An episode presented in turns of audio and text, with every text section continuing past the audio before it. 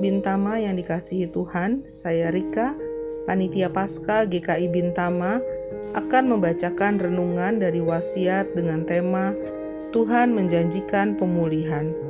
Firman Tuhan dalam Yeremia 33 ayat 7 berkata, Aku akan memulihkan keadaan Yehuda dan Israel dan akan membangun mereka seperti dahulu.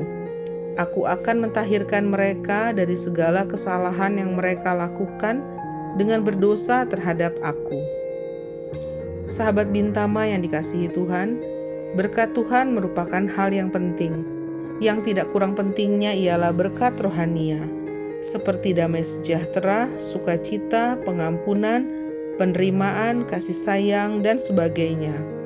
Melalui Yeremia, Tuhan berjanji kepada umat Israel akan memulihkan mereka. Karena dosa, maka hubungan umat Israel dengan Tuhan menjadi rusak dan terputus. Siapa dapat menyambung kembali hubungan yang putus itu? Tidak ada satu orang pun yang mampu selain daripada Tuhan sendiri. Maka dia berkata melalui Nabi Yeremia, Aku akan memulihkan keadaan Yehuda dan Israel dan akan membangun mereka seperti dahulu. Aku akan mentahirkan mereka dari segala kesalahan yang mereka lakukan.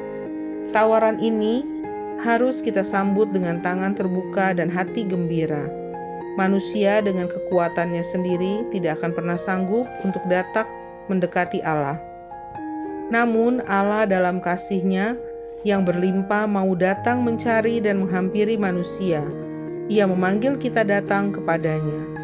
Sahabat Bintama, Yesus anak Allah yang hidup berkata, Marilah kepadaku semua yang letih lesu dan berbeban berat. Aku akan memberi kelegaan kepadamu.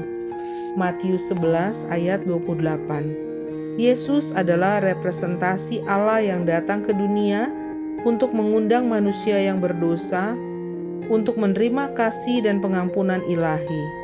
Menerima ajakannya berarti menyambut tawaran untuk berdamai dengannya.